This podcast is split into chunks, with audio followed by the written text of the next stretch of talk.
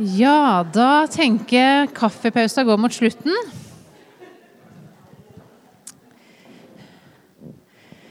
Um, før Eirik skal undervise, så skal jeg ta oss og lese det som er søndagens tekst. Uh, og Den står i dag i Lukas kapittel 22, og så skal vi lese fra vers 28. Det ligger òg noen bibler på bordene hvis noen har lyst til å følge med i Bibelen sjøl. Og da sånn hurtig så står det på side 1201.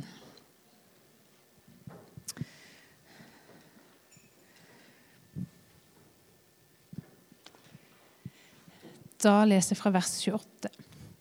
Men det er dere som har blitt hos meg i prøvelsene mine, og nå overdrar jeg riket til dere, slik som min far har overdratt det til meg for at dere skal spise og drikke eh, mitt bord i mitt rike og sitte på tronen som dommere over Israels tolv stammer. Simon, Simon, Satan har krevd å forsikte dere som vet det, men jeg ba for deg at din tro ikke måtte svikte. Og når du en gang vender om, da styrk dine brødre. Peter sa, Herre, med deg er jeg beredt til å gå både i fengsel og i død. Men Jesus svarte, Jeg sier deg, Peter, før hanen galer i natt, skal du tre ganger ha nekta at du kjenner meg.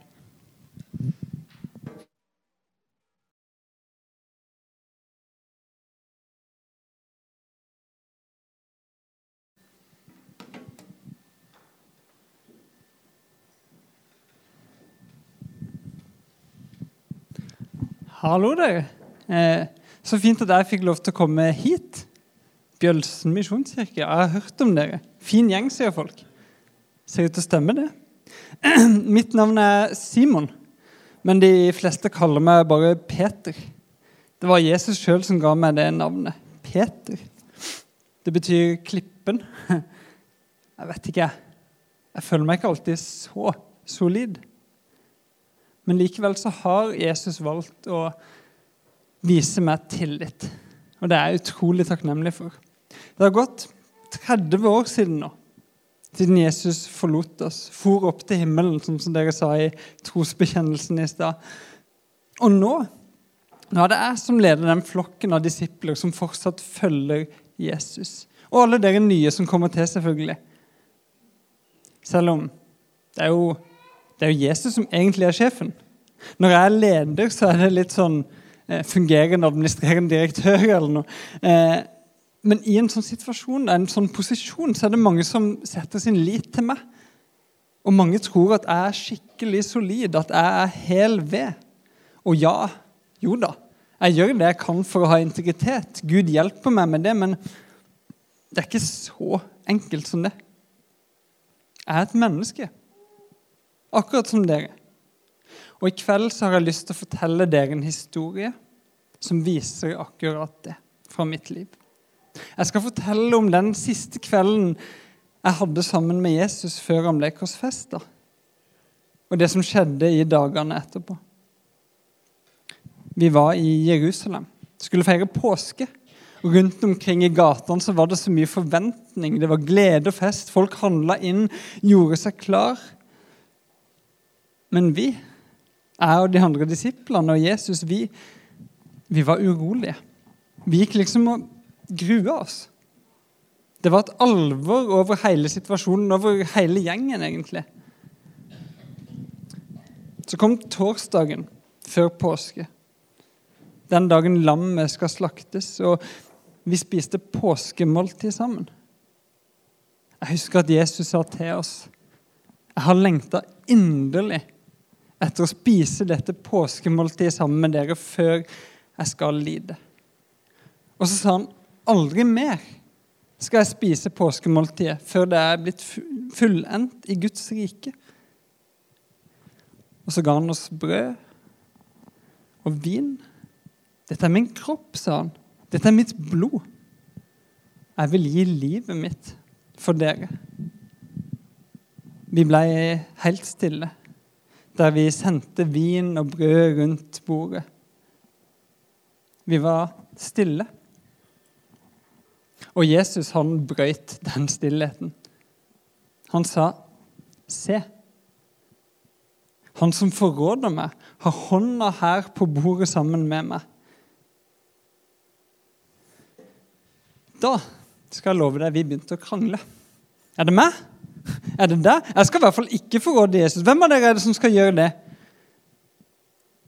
Og så skjønner jeg ikke helt åssen det her skjedde, for vi klarte faktisk å gå direkte fra denne krangelen inn i en ny krangel. Og da begynte vi å diskutere hvem av oss som var størst og viktigst. Jesus gjorde oss stille igjen. Han sa, 'Kongene hersker over sine folk.'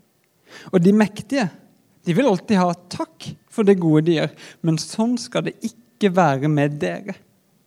Den største av dere skal være den minste. Og lederen skal være en tjener. Det er jo sånn jeg er, sa Jesus. Jeg tjener dere. Jeg gir til og med livet mitt for dere. Jeg vil at dere skal være sånne som gjør det samme. Ja, da ble vi stille. Litt av en gjeng Jesus hadde samla rundt seg. Så tenk, Der hadde vi et siste måltid sammen. Avslutningsfesten, eller minnestunden før han skulle dø, om du vil. Det var det siste måltidet. Han hadde gleda seg sånn til å spise sammen med oss. Og der satt vi som en gjeng tullinger og bare krangla. Litt av en gjeng. Men vet dere hva han sa til oss? Han sa, 'Det er dere som har blitt hos meg i prøvelsene mine.' Og nå gir jeg riket til dere slik som min far ga det til meg. Dere skal spise og drikke ved mitt bord i mitt rike, sa han. Dere skal sitte på troner, sa han. Dere skal være dommere, altså ledere, for de tolv stammene i Israel. Dere skal lede mitt nye folk, den store, nye skaren av disipler. Det sa han til oss, vi som bare satt der og krangla under det viktigste måltidet vi hadde spist i hele vårt liv. Ja, jeg har mange ganger lurt på hvorfor Jesus valgte akkurat oss som sine disipler, som sine representanter. Altså, Hvorfor valgte han Johannes og Jakob, de to bråkebøttene? Hva skulle han egentlig med Matteus, han som hadde gått på så mye kompromiss gjennom livet? Samarbeida med fienden som hadde okkupert landet og alt mulig. Og for Hvorfor tok han med seg Thomas, skeptikeren, og Judas? Ja, dere kjenner kanskje det han. Og til slutt, jeg har tenkt på hvorfor tok han med meg? Hvorfor valgte han oss som sine disipler, som sine representanter, som sitt lederskap? Altså, Han kunne like gjerne valgt ut hvem som helst av dere.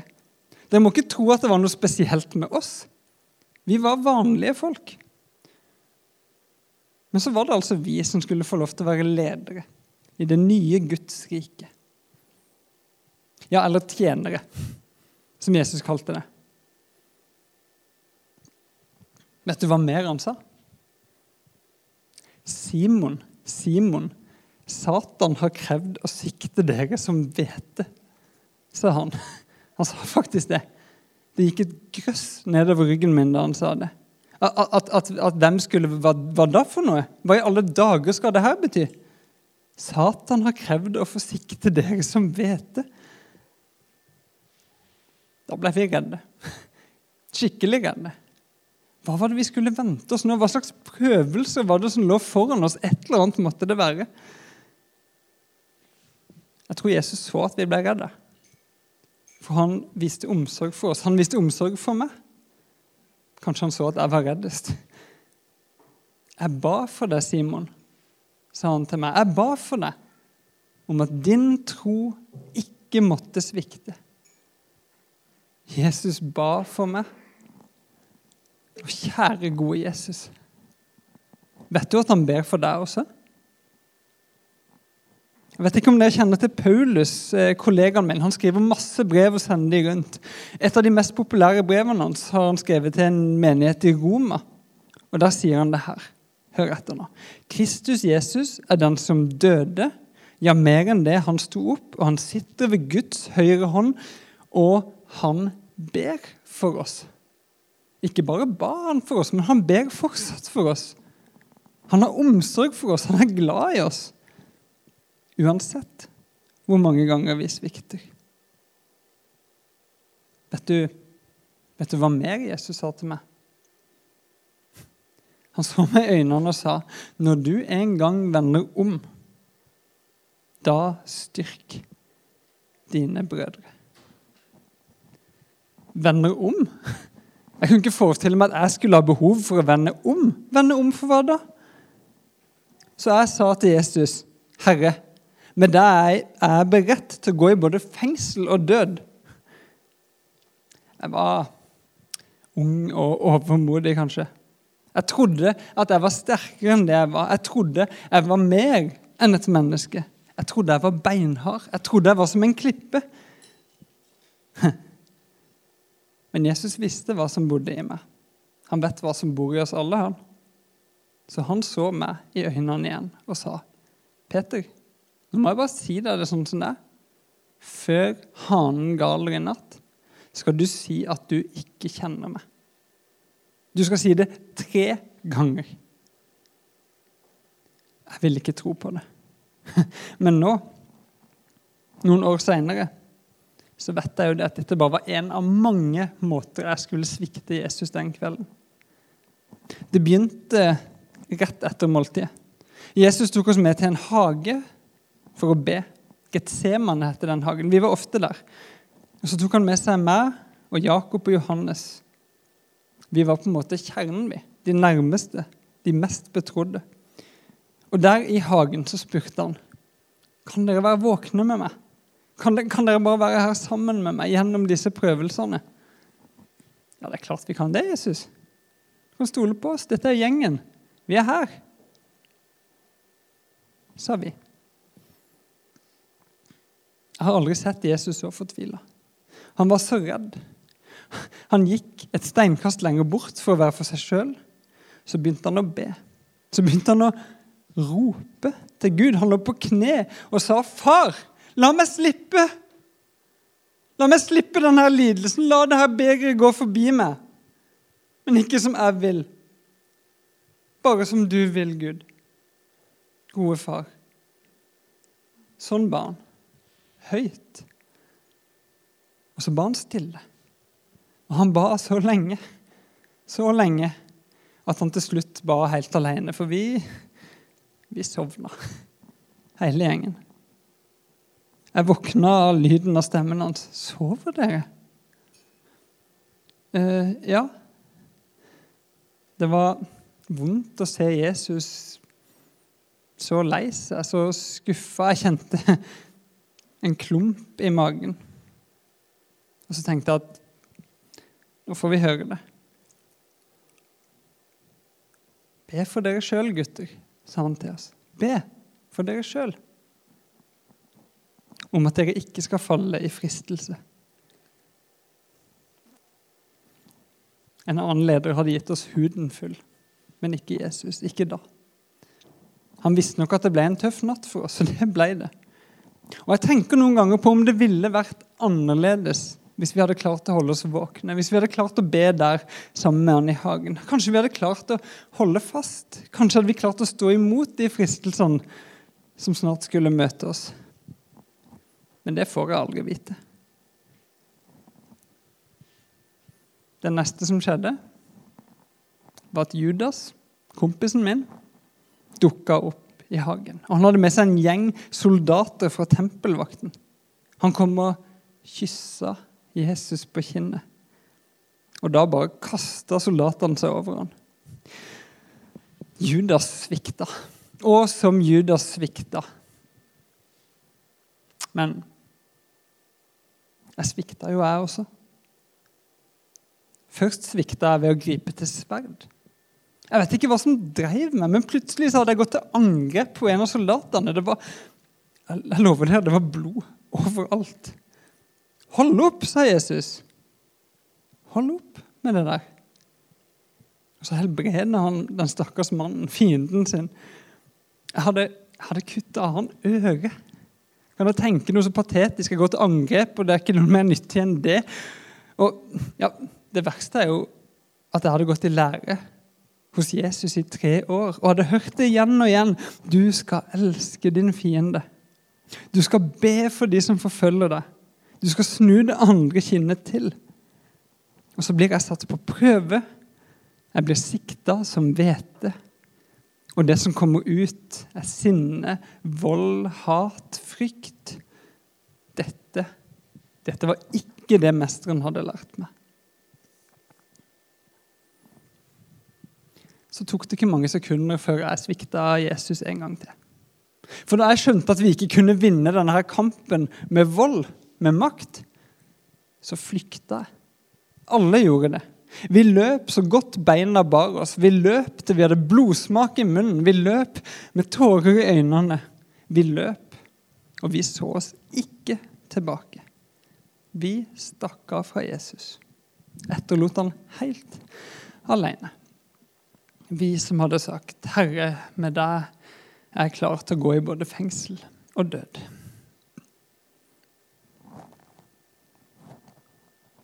Men Jesus ba for meg.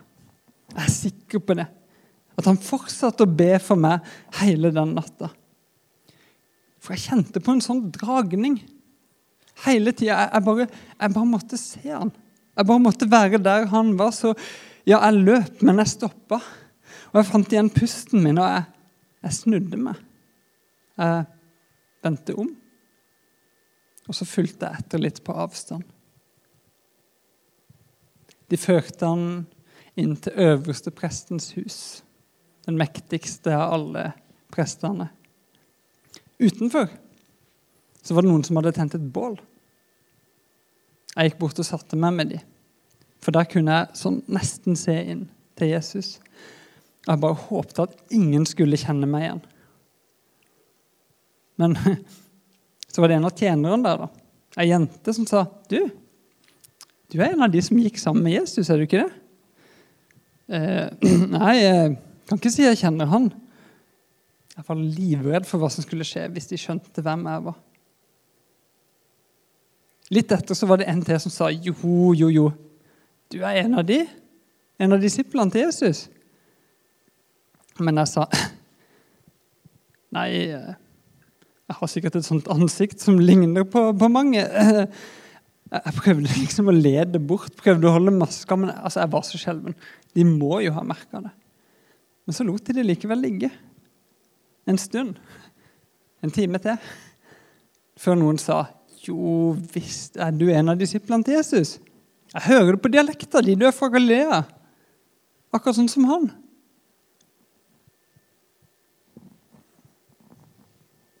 La meg være, sa jeg. Jeg sverger, jeg kjenner han ikke. Jeg vet ikke hvem den mannen er. Da gol han. Da gol han. Og det kom tilbake til meg, Jesus, som, som sier før han galer, så skal du si at du ikke kjenner meg. Du skal si det tre ganger. Og jeg gråt så bittert. Jeg løp bort derfra. Og mens jeg løp, så surra ordene til Jesus i hodet mitt. Når du en gang vender om, når du en gang vender om, når du en gang vender om. Det var som han var hos meg og sa det til meg, men jeg måtte bare svare Kan jeg gjøre det, da? Kan jeg gjøre det nå? Kan jeg noen gang se deg i øynene igjen, Jesus, sånn som jeg har svikta deg?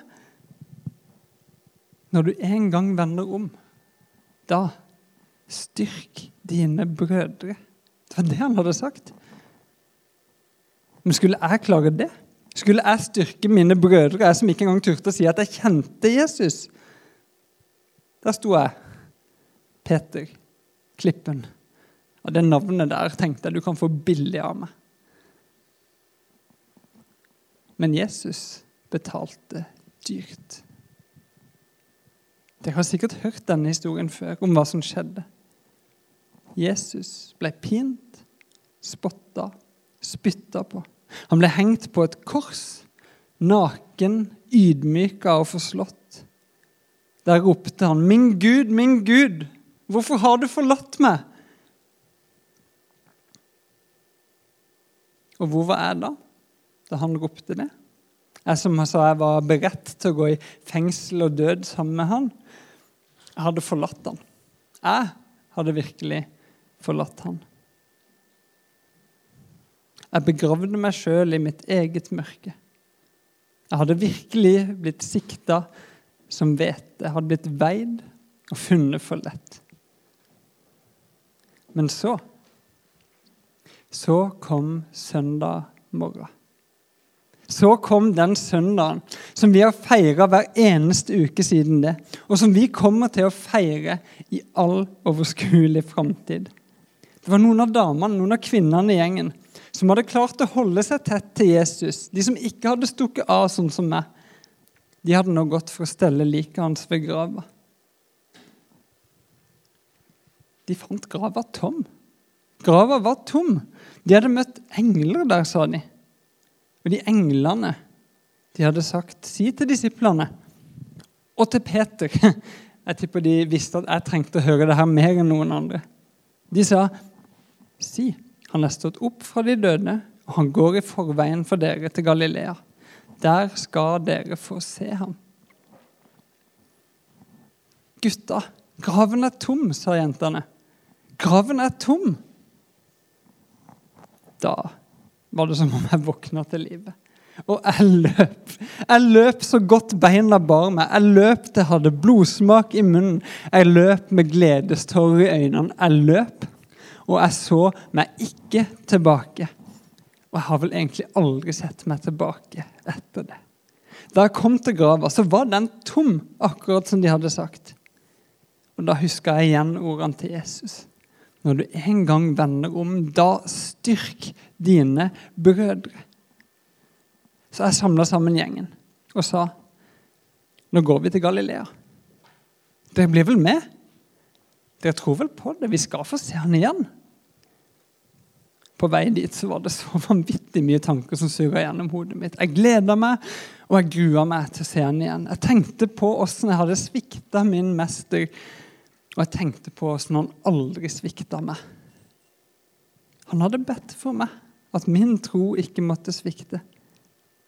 Og vet du hva? Jeg tror egentlig aldri den troa svikta. Den hang i en tynn tråd til tider, jeg skal være den første til å innrømme det. Men den tråden holdt. Eller Jesus holdt. Jesus holdt meg fast. Og derfor gikk jeg. Jeg gikk mot Galilea i tro og tillit, i forventning. Jeg skulle få se han igjen. Og resten, resten er historie. Hold fast. Var det det dere kalte undervisningsserien her i kirka for tida? Hold fast? Ja, dere må gjerne holde fast.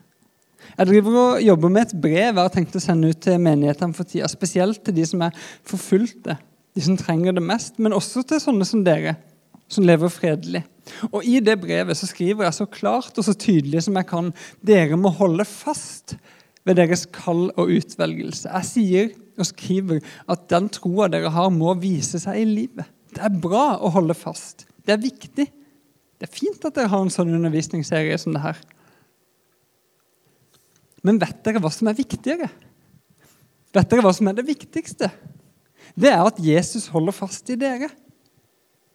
For dere kommer til å svikte. Mennesker svikter. Vi gjør alle det, men det gjør ikke Jesus. Han er den eneste. Og denne her erkjennelsen, at det er Han som holder meg, at det er nåden som bærer meg, tilgivelsen, det har gitt meg mot til å vende om. Det ga meg styrken til å gå videre den gangen og det gir meg styrke hver eneste dag. Jeg løper ikke lenger fra Jesus. Vet dere hva? Jeg har allerede sittet i fengsel for han. Jeg har blitt banka opp, jeg har blitt slått med stokker. Jeg har sett venner av meg dø pga. troa si. Og nå leder jeg en menighet, en kirke i verden som er forfulgt. Alt er annerledes nå.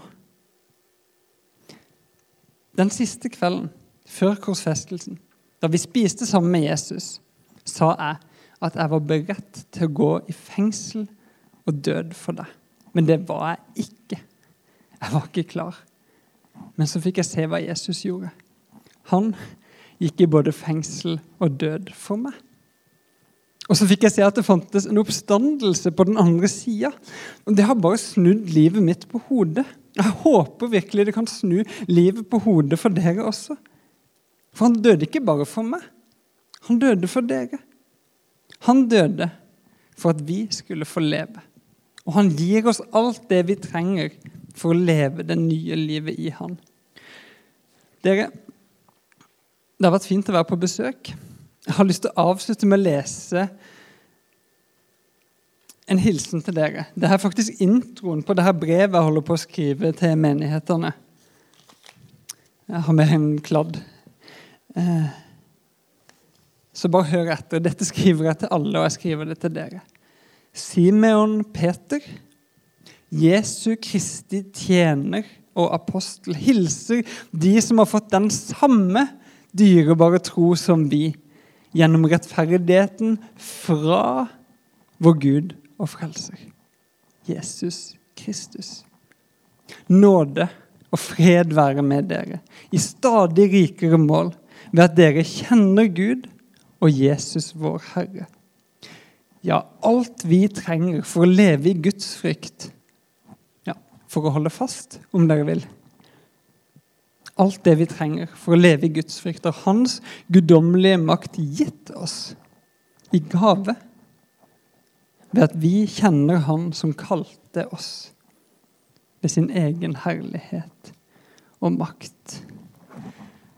La oss holde fast på Han, folkens. La oss holde fast på Jesus, for Han holder virkelig fast på oss. Og la oss nå reise oss for å lovsynge